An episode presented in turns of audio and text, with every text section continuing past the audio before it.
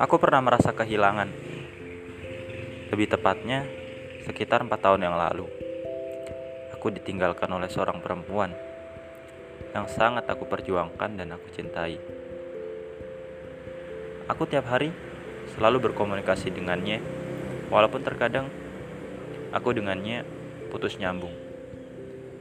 Bukan karena apa-apa, karena kita punya kesibukan masing-masing dan jalan pikirannya sendiri.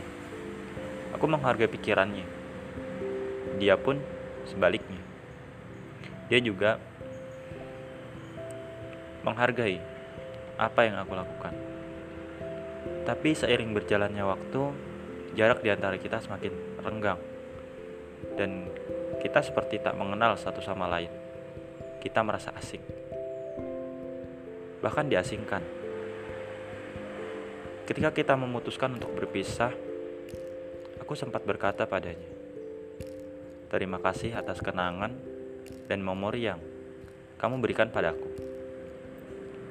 Aku menghargai apa apa yang kamu putuskan hari ini untuk masa depan. Kamu berhak bahagia walau tanpa kehadiranku. Aku pun juga begitu. Aku bisa bahagia walaupun tanpa dirimu. Tetapi sejak aku kehilangan kamu dan pergi, semua yang kau lakukan terasa hampa. Terlebih karena kamu sudah tidak di dalam hatiku. Kamu sekarang milik orang lain, dan bisa saja kamu bahagia dengannya. Terima kasih pernah ada dalam hidupku, dalam setiap momen yang punya.